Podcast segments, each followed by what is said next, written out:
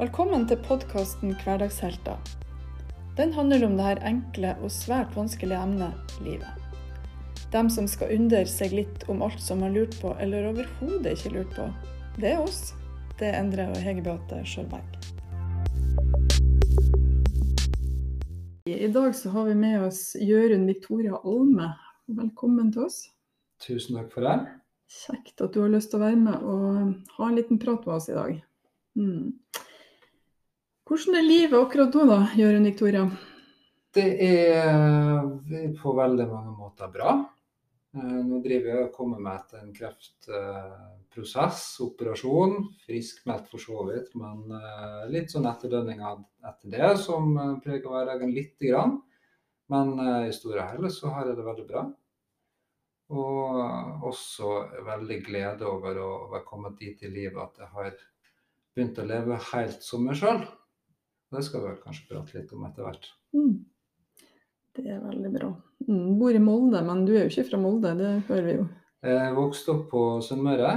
Eh, født på i Spjelkavika, eh, som da var en del av Borgund kommune. Jeg syns det er en liten anekdote å ha med seg at er siste generasjons borgundenser. Kommunen forsvant inn i Ålesund året etterpå.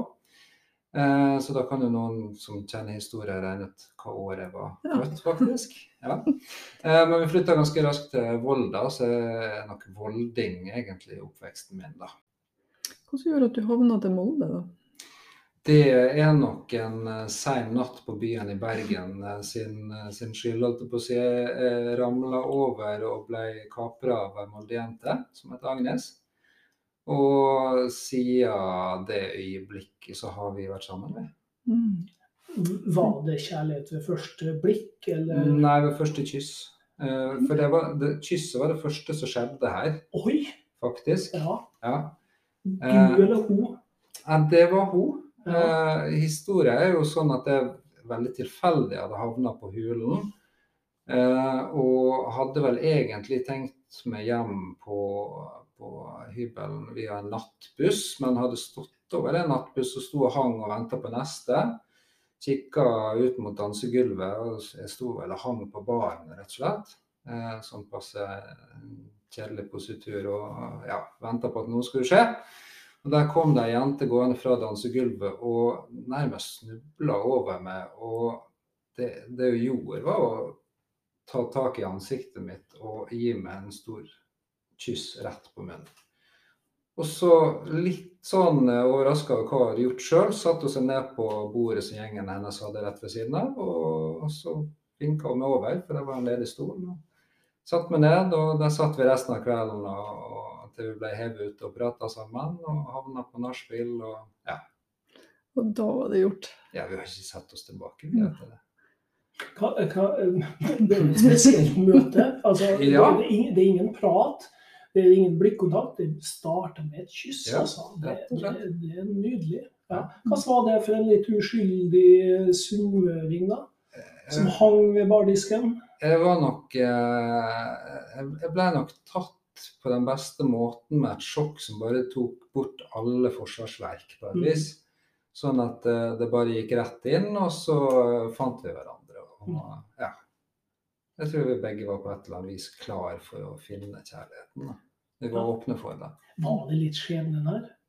Jeg er overbevist om det. Ja. ja. Mm. ja. Så bra. Mm. Og etter det så har det vært nok. Eh, og så kan du snakke litt mer om oppvekst og mye i livet, men jeg tenker dem som hører på, la sikkert merke til at jeg sa Jørund Victoria. Det er jo kanskje ikke helt vanlig sammensetning av navn, eh, så vi må kanskje si litt om det også. Um, for det er jo en grunn for at du har Jørund Victoria-navnet. Det er ikke, så lenge siden du, du, tok til et navn ekstra. Det er vel et års tid siden jeg tok til meg navnet og offisielt er registrert som Jørund Victoria. Um, det er ett og et halvt år siden nå at jeg kom ut på en måte og sa fra til verden at, uh, at det er noe annerledes med meg. Um, og det, det jeg er jo rett og slett eh, Jeg har kalt meg selv for transperson. Eh, transkvinne. Um, og det Jeg vet ikke hvor godt alle kjenner til hva det er for noe. Så jeg kan jo si et par ord om det. eh, kanskje.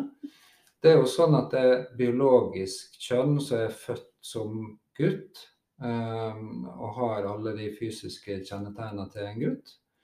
Eh, men min kjønnsidentitet har jeg nå erkjent at det er kvinne. Rett og slett min kjønnsidentitet som sitter i hodet eller et eller annet sted, det, er rett og slett en kvinne inni her. Eh, det gjør at jeg har da også de siste åra begynt å endre på mitt kjønnsuttrykk. Eh, som da er påkledning, hår osv. Så videre, sånn at jeg har et kvinnelig uttrykk. Og, og det det har eh, møter verden med, da. Hvor fikk du navnet Victoria fra da? Det, det, var nok en liten prosess. Jeg begynte å modne på at jeg ville gjøre noe med navnet for å, for å signalisere tydelig det skiftet jeg sto for.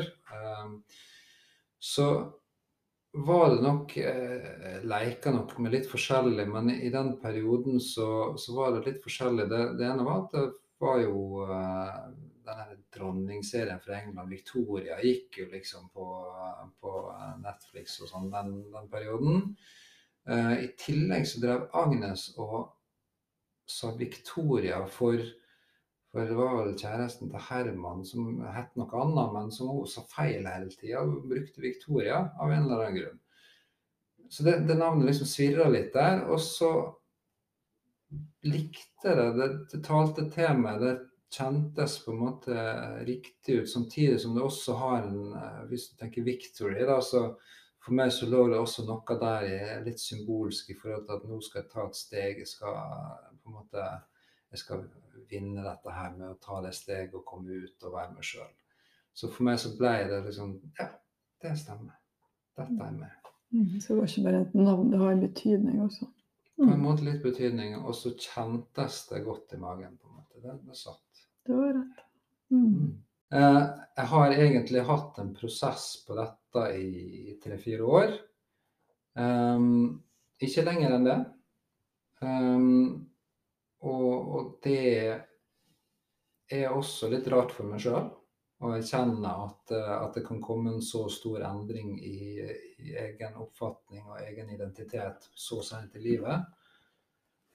Så, så, jeg har egentlig tenkt mye på det sjøl òg, at det kan plutselig eh, slippe fram. Og hvor sterk har den muskelen med skam og på en måte eh, skyld Jeg vet ikke hva det er som gjør at du putter alt dette her i en stor svart boks, men, men det har jeg gjort. Så jeg, mm. For noen uker siden så reiste jeg faktisk til, til Volda alene. Jeg tok inn på hotell et par dager. Møtte noen gamle venner, men først og fremst var jeg på jakt etter følelser og minner. Mm.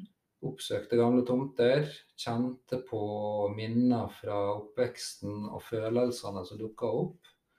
Og måtte bare erkjenne at dette har vært i meg alltid.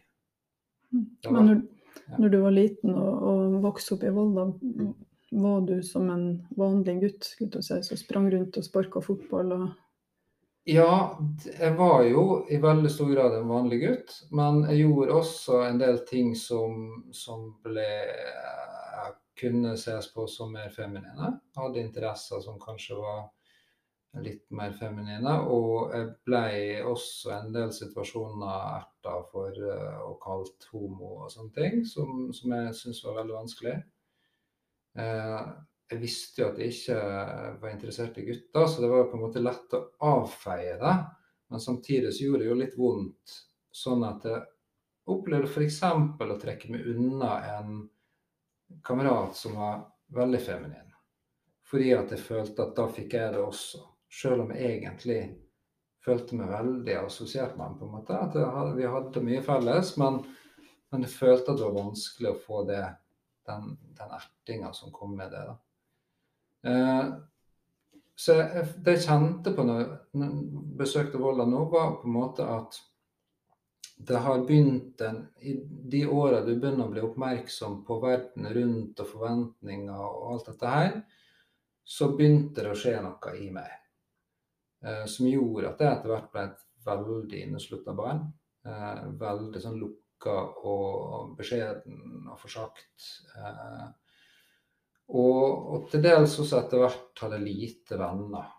Trakk meg litt ut av sosiale sammenhenger. De vennene jeg hadde, og, og fortsatt kanskje har beholdt, er venner som jeg var veldig trygg på i forhold til at jeg ikke De var ikke opptatt av disse tingene. Jeg var ikke opptatt av hvordan ting var utapå og sånne ting. Det var, jeg kunne slippe ned skuldrene sammen med dem. Eh, mens jeg da ble veldig Ja. Og jeg skjønte ikke da hvorfor. Jeg hadde ikke noe sånn følelse av hvorfor den Det var et eller annet som ikke hadde falt på plass, men jeg, visste, ikke hva. Sånn at det, det var å, å tenke 70-tallet inn på tidlig 80-tall mm. Du hadde ikke noe referanseramme i forhold til det å være født i feil kropp eller være transperson. Det var ikke begrep både i min omgivelse. på en måte. Var, jeg visste ikke hva det var, tror jeg. Kanskje verre å bo på en liten plass, tenker jeg, når man føler seg litt annerledes òg. Ja. Lite... Det, det, har jeg tenkt også en god del på i det siste. og Jeg kom over eh, Jeg spilte en plate nylig av Sunnmøre Bårlag. og det, det, var en plate som var, kom midt på 80-tallet, og som var, jeg spilte masse i min, min ungdomstid. Eh, og Der er en låt som heter 'Slike dager'. Og det er, Der beskriver han på en måte en dag hvor du bare kjenner at du kan være deg sjøl, at du ikke bryr deg om hva disse andre gjør. Eh, og la, eh, la fjellene være vegg, la himmelen være taket. På en måte, Det er rom for deg også. Mm. Den teksten gjorde at jeg bare begynte å grine. så bare, ja, fordi at hele liksom, denne oppveksten og ungdomstida og, og, den følelsen av det trange Volda, den, den kom bare over meg. sant? Og så reiste jeg til Volda og kjente på ting, og så bare jeg kjente det at dette handla jo ikke om Volda i det hele tatt. Det var jo i meg det var trangt. Sant? Og jeg bodde jo sånn at vi hadde Rossetårnet, et stort fjell som liksom dominerer hele bygda. Vi hadde det rett frem utsikta vår. Det var en fjellvegg vi så på. Og, og virkelig den der trangt mellom fjella-følelsen, kan du si. Men, men, det var inni meg at det var trangt, og den trangheten var med meg ute i verden etterpå. Sant? Dette var jo i meg. Og, og det var sånn sett eh, en erkjennelse av at eh, det man tror er trangt samfunn rundt, absolutt ikke trenger å være sånn. Det trenger ikke være det som er sannheten. No. Det kan jo være, Du ser jo litt det med å føle seg alene utenfor når man ikke treffer noen. Uh, en ting er når man ikke er klar over at det har noe med kjønnsidentitet og sånn å gjøre, mm. men kanskje at man har en litt annen, noen andre interesser og sånn. Så kan mm. man jo lett føle seg ensom på en liten plass. Absolutt. Eh, og det er også på store plasser hvis du ikke ser noen du kan speile deg i. Mm. Eh, og det er en av de tilbakemeldingene jeg har fått etter at jeg var åpen om min situasjon, at det gir andre en mulighet til å speile seg i meg, da. Med mitt uttrykk og min historie. Det, det har jeg møtt folk som har fortalt om sine historier, eller folk jeg kjenner, og som da har opplevd eh, det at jeg går ut og er offentlig tydelig og åpen på det, så, så, har det vært en støtte for deg. Det har gjort noe. Og Det er en av grunnene til at jeg har vært i, i avisa, og det, at jeg sitter her i dag og snakker med dere. Mm. Så, um, så etter hvert så, så, fant jeg musikkmiljøet. Eh, og der faktisk så, så, opplevde jeg at det var åpenhet for oss å kunne gjøre ting med utseendet. Teste alle mulige slags frisyrer, hadde masse kreative antrekk osv. Ja, fortell. Og, og, og det, Ditt verste sceneantrekk. Eller beste. Ja, nei, det har vært mye forskjellig med, med, ulike varianter. Ikke veldig nødvendigvis så feminint, men, men selvfølgelig fots fotsid frakk alt dette med hvit silkeskjorte inni og smykker og det hele. sant? Altså det ble litt legitimt å gå ja, kle på seg litt. Det var liksom greit, og iallfall når du skulle på scenen, at du, du kunne ta den litt ut. Og eh, i perioder litt sminke og sånne ting. sant? Eh, det var jo 80-tallet. Det, det, meste var på en måte lov. Og musikkmiljøet var helt fritt for, for uh, kommentarer eller negativ fokus på, på, sånne ting. Det var veldig åpent og fint. Det hadde ikke alltid vært det. Jeg tenker Musikkmiljøet de, de vil jo gjerne dyrke annerledesheten. Absolutt. For at er du helt vanlig, så stikker du deg ikke ut. Mm. Så det å være litt annerledes, det tror jeg er en klar mm. fordel. Rett og slett. normal i det miljøet. Mm. mm. Ja. Men var det i Molde, Molde skulle jeg si, vi var jo ikke kommet til Molde ennå, da. Men Volde. var det i Volde? Var det i Volda du drev på med musikk, eller var du flytta noen andre plasser? Jeg begynte med musikk i Volda. Vi hadde et sted som heter Maurtua. Det var et, uh, gammelt skolebygg som uh, jeg tror halvveis okkupert, men det var, fantes vel en slags uh, minnelig avtale om at musikkmiljøet fikk lov å holde på der. Uh, og vi, uh, vi var 14-15-16 år når vi begynte, og, og vi fikk liksom komme inn sammen med de eldre bandene.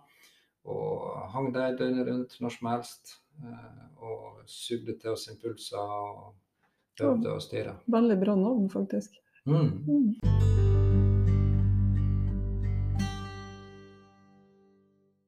Det, det, første skikkelige albumet jeg kjøpte sjøl, var vel um, Ja, det første var 'Pussig sammentreff 2', en norsk sånn hitsamling. Og så kom det da var vel Toto 4 eller noe sånt som jeg kjøpte på vinyl. da. Du husker øyeblikket? Ja. Du kan gjenfortelle coveret i detalj? Ja, coveret er veldig enkelt. Det er kraftig rød farge, og så er det noen sånne gule sirkler nede midten og noen greier. Og et fire, v i V, så det er romertall fire. Jo. Ja. Eh, og den var kjøpt inn på Narvesen i Volda. Mm. Det var vinyl på Narvesen. Det er bra. Ja, det var det. Der var vel eneråden på det fram til det oppstod noe som heter Sunnmøre Hifi-senter. Alle bygder skulle ha sitt hifi-senter på 80-tallet, så kom det etter hvert. Og heldigvis så kom jo vinylen litt tilbake igjen. og Det var ja. veldig artig for oss som levde på 80-tallet, og det var stort da. Eh, men hva type musikk var det dere spilte da? Du begynte å spille bass, og så var det et band som vi, vi fikk eh, Jeg fikk lov å være med i et band som veldig fort eh, jeg si ble oppløst, og så ble jeg noe annet, som, som jeg regner som egentlig mitt første band, som heter Iberhapnix. Eh, det var et band som eh, skrev all musikken sjøl. Veldig sånn 80-tallspop på engelsk. Eh, vi fikk ganske raskt spille på noe som heter Maurtuafestivalen, som var en eh, legendarisk festival i Volda. Eh, fullsatt samfunnshus. Eh, to kvelder, fire eller fem band per kveld, og det var stor stemning. Altså. Det var supersuksess. Ikke minst fordi vi hadde veldig god vokalist, eh, Simone Larsen, som seinere gjorde oss stolte i D-Sound. og det, det, var en fantastisk reise. Det bandet Jeg husker jeg fant noen notater fra, fra den tida og det bandet, altså, det, det har vært en stor del av livet mitt. Og så så jeg i gamle notat at det varte i under et år. Og vi hadde sju eller åtte forskjellige lineups. For vi skifta medlemmer, og ikke minst korjenter eh, osv. inn og ut. Det var, det var altså sju forskjellige versjoner av det bandet i løpet av under et år. Før det da plutselig gikk over til noe helt annet. Så det det var liksom sånn Alt skjedde på en gang i i et vanvittig tempo. Mm. Jeg tror at det å være i band, det er, jeg tror det er viktig. Jeg tror det mm. gjør noe med folk. Kan du fortelle litt om det? For det har sikkert gjort noe med deg òg.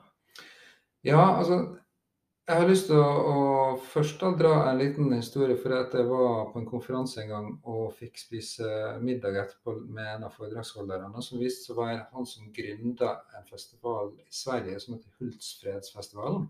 Oh, kjent og kjær. Fantastisk. Og han her har jo da gründa iallfall 50 selskap, og alt innafor liksom, temaområdet festival, musikk, forlag, plateselskap, event, restaurant, hotell osv. Alt innafor den sfæren. Eh, og han, han fortalte meg at han ansetter omtrent bare folk som har spilt i band. Fordi at jeg har den unike erfaringa at du skal møtes, du samles i et rom. alle kommer med sine egenskaper, sine instrumenter, som skal komplementere hverandre. Man freser av gårde og skaper noe eh, med disse ulike bidragene. Man er ute og tester det på en scene, får feedback og tilbake og smi videre på det.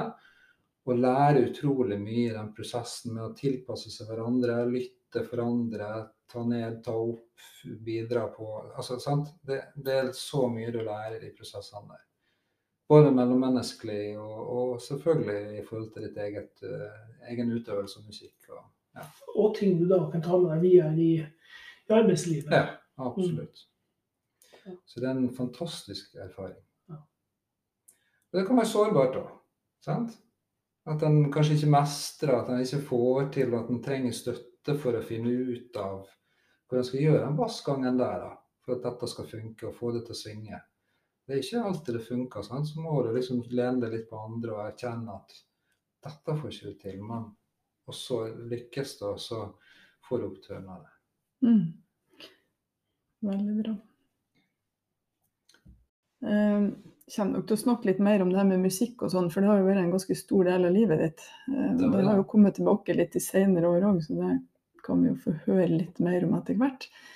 Men men um, vi er jo fremdeles i Volda, det var jo en vei videre derifra. Så det har jo skjedd en del ting imellom der. Uh, ble det utdannelse og flytta? Du sa du møtte Agnes i Bergen. Var, det, var, du bare på tur der, eller var du på Nei, da, da hadde jeg først hatt et par år i Molde, faktisk, på Distriktshøgskolen, som han het den gangen. Eh, og så kom jeg meg videre på Handelshøgskolen i Bergen. Så det var det jeg holdt på med. Og det er akkurat han kom til Bergen tre uker før, eller noe sånt. Sånn at det var. Hun kuppa deg med en gang, altså. før noen andre fikk sjansen. Absolutt. Det er, smart en smart dame der. Men holdt du på med musikk? Um, Fortsatte dere med det bandet med Simona det mens du var i Bergen, eller ble det Nei, det, på hylla da? det var nok ikke med dit. Um, I Bergen så ble det etter hvert et prosjekt som, uh, som uh, først het The Flying Penguins, men som etter hvert ble De flygende pingvinene. Uh, og av en eller annen grunn, eller av naturlig grunn, vokalisten var fra Sandnes, så det ble på Sandnes-dialekt. Eh, egne låter, norske tekster, eh, og noen forsøk på demoer og, og, litt sånn, men ikke noen store suksess på, på platemarkedet, var det ikke. Men vi kom oss faktisk til Finland på festivalspilling. da. Mm. Det var det store høydepunktet helt på tampen av den. Nå syns jeg det er litt sånn interessant. Vi kan jo si, Du, du gikk jo handelshøyskole og så begynte du å jobbe i, um, i, for, i, i bank. vet du, du har jobba men du har, mm. du har, gjort det hele veien. Nei, jeg begynte med å jobbe for Handelshøyskolen, faktisk. Ja. Eh, jeg var studieveileder på Handelshøyskolen, og så flytta vi til Oslo. og da da jeg, jeg fikk en jobb som leder for Handelshøyskolens kompetansesenter i Oslo, som drev med etter- og videreutdanning. Og, og faktisk hadde noe høyskolefag også, som, som, en liten institusjon i Oslo, som jeg da leda et års tid. Men plutselig skulle den legges ned av politiske årsaker, så da, da ble jeg konsulent i databransjen, og så har jeg vært revisor. Og så har jeg da til slutt eh, tatt sprang over i bank og har vært banksjef i to forskjellige banker i Molde i en del år. Men eh, for satt og på det, sånn ytterkanter, men vi er jo kanskje sånn mennesker fra banklivet som jeg ser for meg litt sånn A4 og ja, det kan hende mye artigere på innsida av bankene enn jeg tror når det står på utsida. altså, altså den her store musikkinteressen, altså den kulturelle biten. At du ikke valgte kanskje å gå en vei. Var det sånn bevisst, eller? Eh, det er, var vel på et vis eh, analytikeren i meg som slo inn igjen. da, som, for, for klart Jeg hadde jo lyst til å gjøre mer på musikk på et vis, men, men det logiske, ytre eller hodestyrte så litt på situasjonen og innså vel at mine talent innenfor musikk ville ikke holde til å gjøre et karrierevalg, musikk. Ja, litt kynisk valg på å være sikker på eh, en sikker jobb, da. Jeg tror fortsatt at det var riktig, da. Mm. Um, så, og så har jeg jo sønner som har valgt mer kreative retninger enn meg, og det støtter jeg veldig på. Fordi at det, det har helt åpenbare talent, men i tillegg også så, så tenker jeg at det, det, er verdt å prøve det. En kjedelig utdannelse kan du alltids ta senere. Mm. Jeg tror ikke det trenger å være feil heller. Det er jo alltid sin tid. Og så har du begynt å tatt opp igjen musikken, for du spiller jo i band nå, som du sier, i Molde. Og det ja. har dere gjort i noen år nå. Nå har det blitt en del år. Vi eh, er jo med i det som heter Mugs of Norway. Eh, Norges eh, kanskje etter hvert mest berykta ukuleleorkester. Eh, vi har jo det utrolig moro. Eh, får heldigvis god respons på det vi gjør. Eh, det har vært en veldig, veldig hyggelig reise. Fantastiske, fine karer jeg spiller sammen med der. Og et fantastisk publikum jeg vi har møtt på, på, våre konserter. Det har vært så artig, altså. Mm. Vi, vi, skal, det kan jeg annonsere her nå, 5.11. på Plassen blir det konsert. Det er ikke lagt ut billetter ennå, men uh, sett av datoen.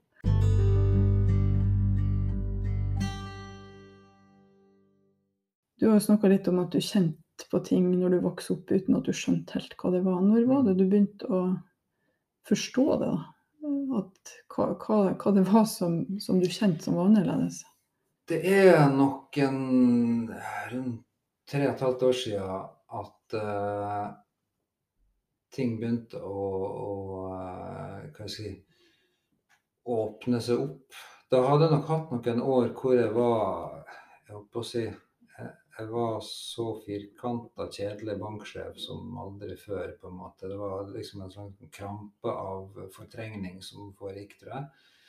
Eh, så til slutt så måtte det bare sprekke på et vis. Eh, og da, da gikk jeg nok eh, Hvordan skal jeg si det, da? At eh, det begynte å dukke opp Um, først kan du si at det dukka opp et par høyhælte sko som jeg kjøpte. Um, og, og, da vil jeg ikke sjøl innrømme at det handla om noe trans eller noe sånt. Det var bare en interesse for sko. Um, og jeg trodde kanskje at det var, hadde noe med kunne være en fetisj eller noe sånt. Så jeg introduserte jo dette her til Agnes som at det var noe litt sånn spennende vi skulle leke med.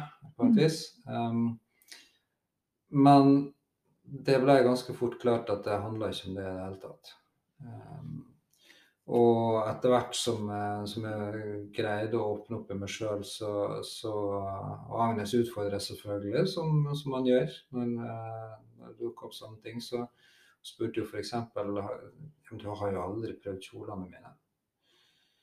Og da måtte jeg jo eh, erkjenne og Jeg måtte faktisk grave litt i hukommelsen for å på, på en måte greie å overbevise meg sjøl om at uh, jo, faktisk. Det, og det dukka jo opp det ene tilfellet etter det andre på en måte at jo, det har jeg jo gjort.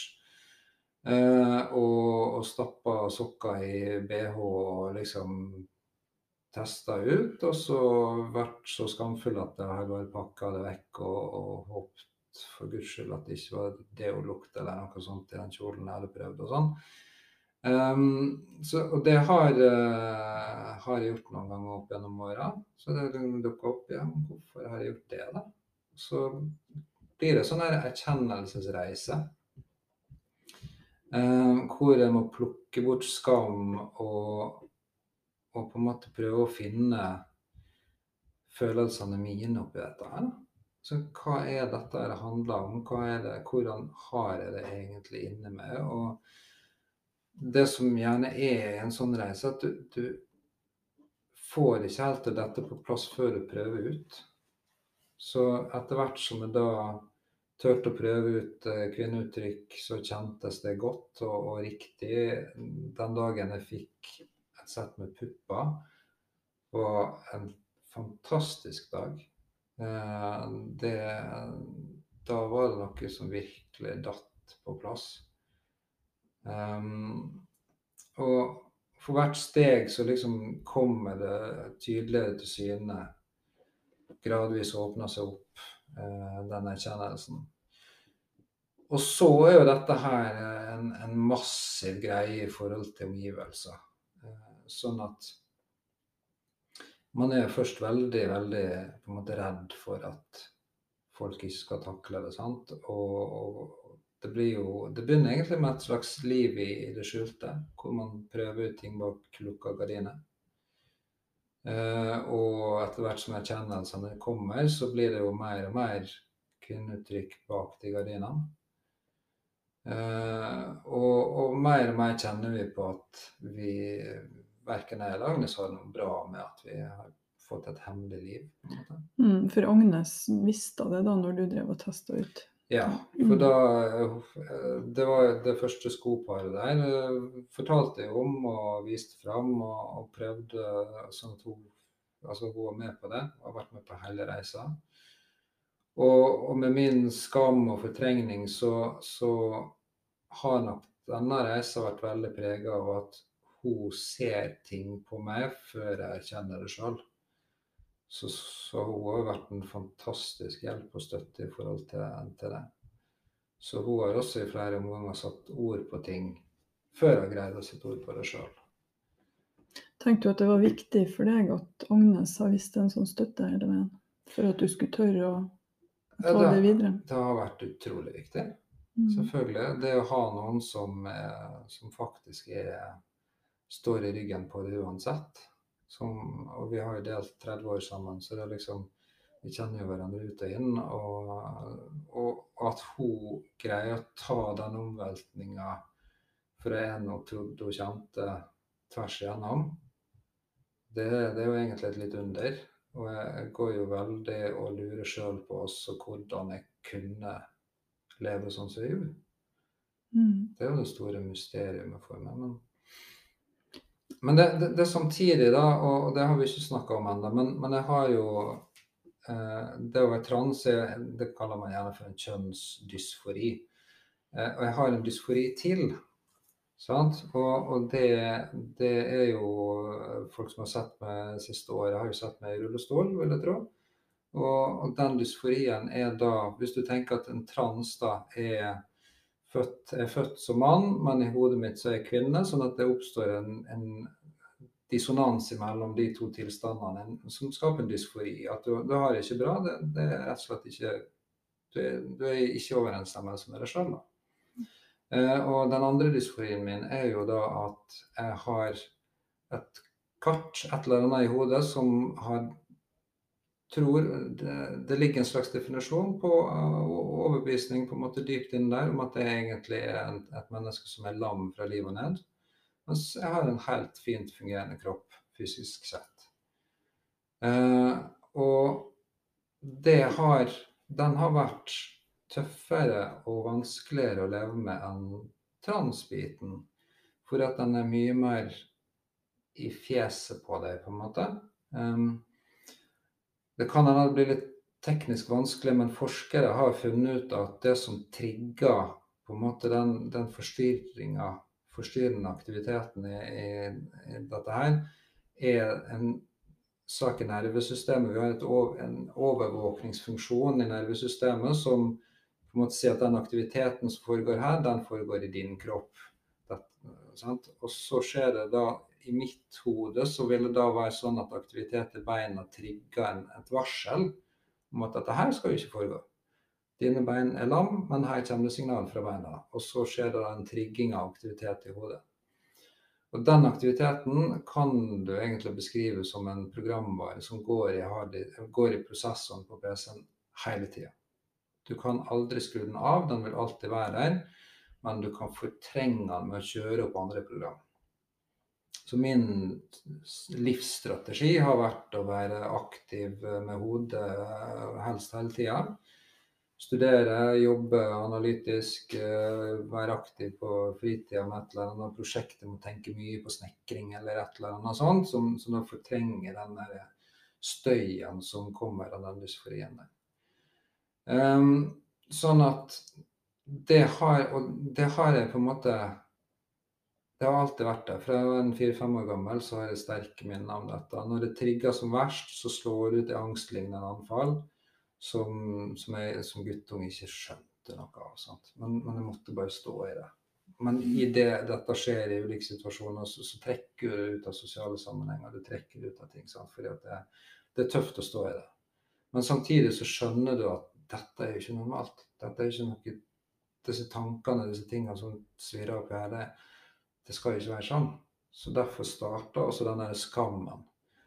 Denne voldsomme knytninga. Putter i en, en sekk, får unna, skammer seg, skylder og ikke snakke om. Så, så det hadde jeg aldri snakka om.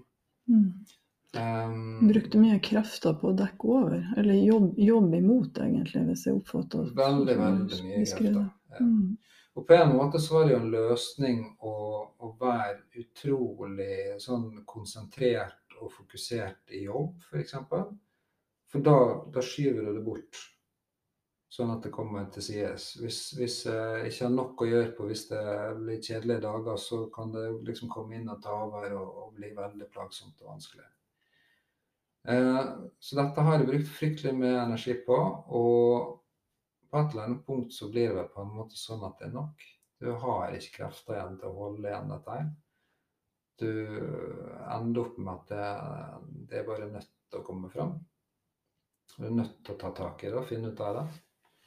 Så da jeg begynte å, å, fortelle om dette her, så, så var vi litt på, på nett og, og, prøvde å finne ut av uh, litt. Agnes uh, var vel den som satte ord på første gangen at dette er det som kalles for body integrity dysphoria. Som er BID, da. BID. Vi kaller det bare for BID-en min. Mm. Uh, og det var egentlig på mange måter en stor lettelse å forstå hva det var. Bare se liksom OK, dette her er en faktisk ting. Det er masse folk der ute som har dette her. Mm, det er noen andre enn bare meg. Ja. Jeg er ikke helt annerledes. Sant. Det fins mange som har dette her. Veldig mange som skammer seg over det fordi det er vanskelig å forstå. Veldig mange som ikke snakker med helsevesenet om det forskningsmiljøer som jobber med det, sliter med å få forskningsobjekt, for å si det sånn. Eh, fordi at eh, folk syns det er vanskelig å være åpne. Og, og, men det begynner å bli en forståelse. Bra mye forskning etter hvert, heldigvis. Men, og, og, det har blitt en, eh, en diagnose, offisiell diagnose, som, som, ligger i manualene til helse, helseverden, holdt jeg på å si Eh, sånn at helsevesenet må også begynne å på en måte finne ut av hvordan skal vi hjelpe de som har dette. Mm. Men tenker du at det er Opplever du at det er en mindre forståelse for det at du eh, bruker rullestol? Sier, selv om hodet ditt sier at du er lam, så, så, så, sånn som du sier, du har jo jobba imot det her, og du, du, mm. klarer jo å gå. Du er jo egentlig fysisk frisk. Um, men opplever du at det er en mindre forståelse for den biten enn for den andre biten, der du um, der du kommer ut som, som en kvinnelig utgave? Ja, altså jeg opplever jo at folk har kommet mye lenger i forståelsen av trans enn av bid. Det er så ukjent, og, og, det lille som har vært fortalt rundt det, har vært veldig typisk sånn eh, journalistikk som eh, liksom setter fokus på det rare med det. Eh, så det er de historiene litt sånn eh, tabloide historiene som har vært eh, fyra opp på det. Uh, så folk vet ikke hva det er. Og det er vanskelig å forstå. Og det har vært vanskelig for meg å forstå. Det har vært vanskelig for meg å akseptere og finne ut av. Sant? Eh, også i tillegg så må jeg jo si det at vi lever i et samfunn som ja, Vi har sikkert kommet langt, men, men, det gjenstår ganske mye i forhold til hvordan vi ser på annerledeshet på mange områder. Ikke minst på det med funksjonsnedsettelser. Og, og, det må jeg si at det har jeg lyst til å illustrere på en måte. For jeg har jo da veldig lang erfaring med å gå rundt i samfunnet som mann. Jeg har gått rundt i samfunnet og møtt blikka til folk som mann i dameklær, for å si det rett ut. Eh, jeg har jo fortsatt et uttrykk som gjør at folk ser en mann i dameklær. ikke sant? Selv om jeg sminker meg og har langt hår, så, så ser jeg på blikket umiddelbart at dette vekker stor interesse. Alle ser, alle kikker. Det lange blikk. Det bruker mye tid på å se på dette her. Og det skjer, skjer en del i ansiktet til folk eh, når de ser meg. Og, og, så har jeg jo da også trilla rundt som mann i rullestol. Uh, før jeg brukte kvinneuttrykket fullt ut, og så testa ut litt med rullestol, så var jeg mann i rullestolen. Og da fikk jeg ikke et blikk. Da ser folk vekk. Mm. I den grad de ser i det hele tatt, så prøver de å se fordekt og skjult. Uh, men Og der skygger gjerne, går gjerne litt utenom, og du er på en måte ikke til stede i dette samfunnet. Så kommer det trillende som meg sjøl nå, da, som dame i, eller mann i dameklær i rullestol. Da skjer det mye rart i ansiktet til folk. For da må de jo bare se. Men de har dette her at de skal ikke se på noen i rullestol, men de må jo se likevel. Og, og da skifter det masse rare uttrykk og blikk, og det er fornøyelig, egentlig. Men, men, det forteller meg mye om at det med funksjonsnedsettelser det er en kjempeutfordring. Mm. Både, i, det... både, generelt i samfunnet, men også i forhold til tenk jobb og, og alt dette her. Altså. Men er det noen som har sagt noe? Du sier at det er mye blikk. Sier mm. folk noe? Eh, I veldig liten grad. Eh, veldig lite spørsmål. Eh, folk jeg kjenner, prater jeg med. Og for mange så er det jo faktisk sånn at når jeg har vært ute og fortalt dette her på Facebook, i aviser osv., så, videre, så så vet jeg det. Da har vi en helt vanlig samtale. Det er som om ingenting har skjedd. Mm. Fantastisk fint. Og så er det noen som kanskje ser meg som ikke har ført historien, ikke er på Facebook og sånn. Da har vi hatt en fin samtale der jeg har forklart, og det har gått veldig fint. Så jeg har ikke noen vanskelige opplevelser på det. Eh, folk er anstendige og ordentlige i møte med mm. andre folk, på en måte. Og sånn sett så, så, har det gått veldig bra, men, men, jeg skjønner jo at det er et lengre lerret å bleike å forstå dette med rullestol. Men du sier at skammen, mm. den er en stor del av det. har vært gjennom egentlig i årevis, kanskje. Ja. Um, og, og, den er jo ikke mange som føler på oppgjør livet. Vi kan ha det i perioder, mm. men du har kanskje fått din dose mer andre folk. Mm. Um, hva skal det prege deg? Det For det første så har det gjort at jeg ikke har funnet fram til min identitet før nå. Uh, det har gjort mye i forhold til å at det har blitt vanskeligere for å være åpen og vise følelser, vanskeligere å finne tak i følelsene. Um, så på ulike måter preger det nok personligheten min. Um, ja. Må du mye leie deg før, da? Hvis, du, sånn, sånn, hvis man går og kjenner at man prøver å være noe annet enn det man føler at man egentlig er? Jeg har nok i perioder jeg har vært litt uh, litt tung kan det nok ha vært i perioder, ja. Eh, først når det liksom begynte å åpnes opp, og jeg skulle, skulle liksom begynne å finne ut av dette, her, så, så, gikk jeg nok også inn i en slags depresjon og hadde veldig mye angst i en periode. Og, og, det var en veldig vanskelig overgangsfase hvor jeg egentlig hadde begynt å være åpen om det, men samtidig valgt å stå i et mannsuttrykk på jobb. Eh, av en oppfatning at det ville være best for omgivelsene at jeg fortsatte å, å, være i dressen da, som, som banksjef. Eh, det var, ble en periode hvor jeg gjerne eh, måtte lande et eh, angstanfall på vei hjem, for å si det sånn. For det var veldig, veldig tøft. Um, så, så, det ble en vanskelig, vanskelig periode. Mm du har jo fått litt hjelp på vei nå. Altså ikke bare Agnes. Eh, mm. Du har jo snakka med litt folk om det. Ja. Har det vært OK? Definitivt. Uh, og det er forskjellige, forskjellige som jeg kan nevne der. Det, det er selvfølgelig um, Jeg fikk et fantastisk fint møte med noen som heter Stensveen ressurssenter. Holder til på Kapp et ektepar som driver et senter for uh, fristed for transpersoner. Begynte i 1996. Uh, eh, og har drevet dette her og har gjort en fantastisk jobb for uh, transfolk i, i, Norge. Uh, de har vi hatt flere samtaler med. Det, det er helt nydelig og har vært veldig på en måte, sånn støtte i forhold til å tenke. Hvordan skal man tenke, hvordan skal man på en måte lande i seg sjøl i dette.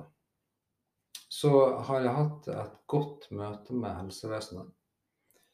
Eh, både fastlege og etter hvert en veldig dyktig psykolog. Som, eh, som har vært fantastisk fine støttespillere på vei.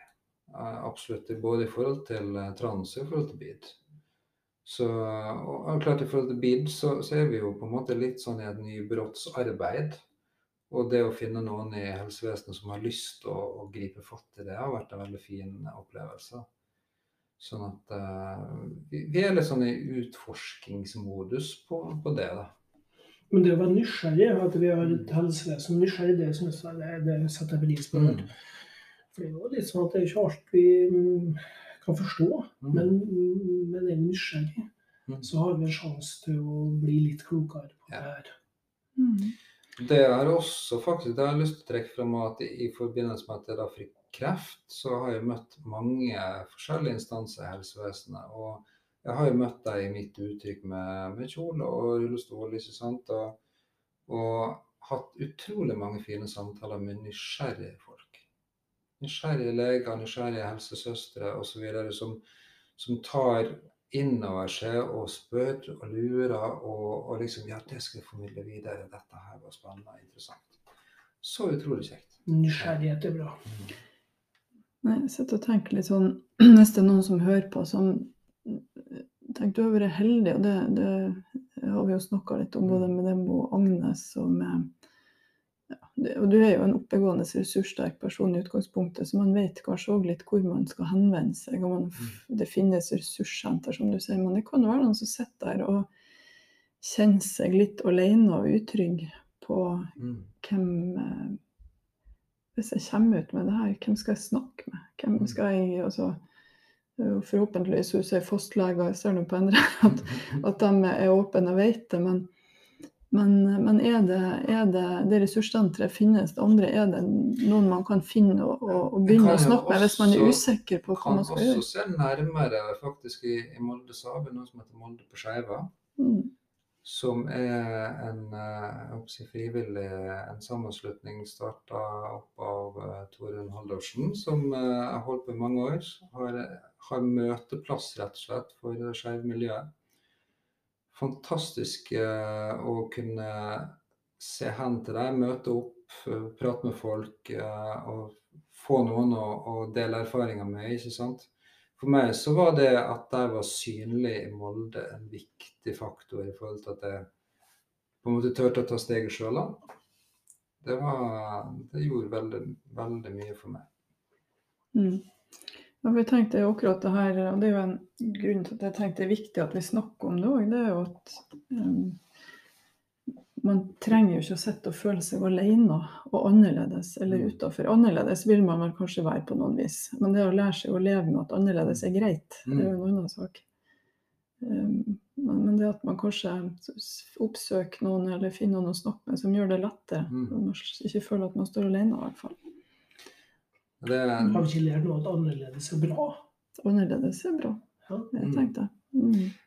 Ja, for, og det kom jo en sang i dag av Maria Mena hvor hun synger vel akkurat det at det, det er kanskje det annerledes som gjør det så fantastisk.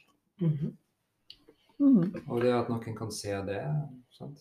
Litt tilbake til um, det med hverdagen og musikk og livet. For det det er jo ikke sånn at når du kommer ut og, og kjenne på den kvinnelige biten og komme ut som Jørund Victoria, så er det ikke sånn at alt annet stopper. Du sier jo du er jo på jobb, og man driver med musikk, mm. og eh, Har det blitt annerledes ting på et vis med, med musikken og alt annet, eller, eller, kom du ut, og så ble det greit, og så fortsatte livet som vanlig på, på mm. forskjellige hold?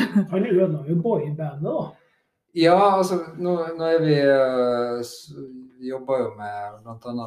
regnskap og sånn, og økonomi og diverse alle sammen. Så vi, vi, har jo rett og slett håndtert det med våre egne prosenter. da, Så vi holder ja. fast i boyband med 75% eller noe sånt. da. Eh, vi var vel 87,5 en stund, mens jeg liksom regner med som like mye mann og kvinne. Og så ja. Du har datt litt ned, så nå er det 75? Ja. ja. Så vi har håndtert det sånn, da. Stort sett så, så, vil jeg si at det meste er som før. Um, eh, og jeg er jo den samme. Og, og det kjenner jo at folk veldig fort ser òg.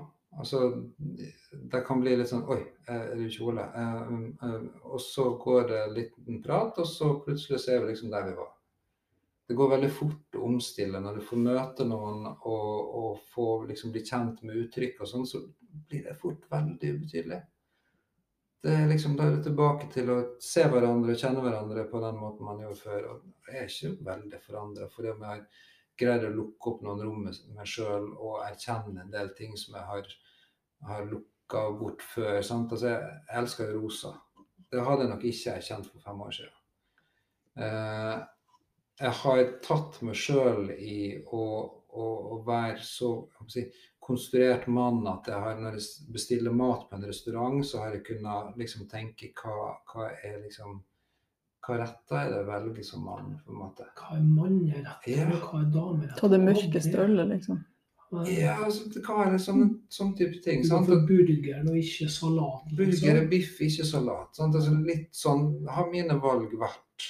Og så har jeg arrestert meg sjøl på en måte i ettertid på det. Hva er det jeg holder på med, egentlig? Jeg syns er kjempegodt med salat. Mm. Og, og, dette er jo så innarbeida at jeg nå må på en måte ta Agnes litt i at når hun kjøper grillmat til henne, så er vi litt opptatt av at det skal være sunt. det skal være rent kjøtt og litt salat osv. til og sånn. Men så har du kjøpt pølse, da. Det tror jeg rett og slett fordi at eh, det brukte jeg ofte ville ha. Jeg er ikke interessert i det egentlig, men. Jeg er ikke glad i pølse. Nei. så det er noen sånne ting som, som jeg innser at, at jeg har den herre lyttinga til omgivelser og forventninger har medført en del ting som ikke er helt meg. Og så er det masse ting som er meg uansett. Og, og det var et lite øyeblikk jeg liksom tenkte ja, skal jeg slutte å gå på MFK-kamper? og jeg slutte å se det på TV-en fordi at eh, dame, for da var det en gutteting jeg holdt på med, liksom. Men så har jeg liksom kjent at nei, det er faktisk en interesse jeg, eh, som er min. Og at jeg heier på Liverpool. Eh, ja, Forresten, vi har utrolig mye Liverpool-supportere på denne podkasten vår. Eh, den ene etter den neste. Jeg fikk smetta di. Ja. Det er ille for en Everton-supporter. Eh, da må vi lete, for de er ganske få. De har ennå ikke kommet ut av skapet. Eh, det er sett lenger inn for folk. Mm. Ja. ja, jeg følte vi tok en ny sving i samtalen.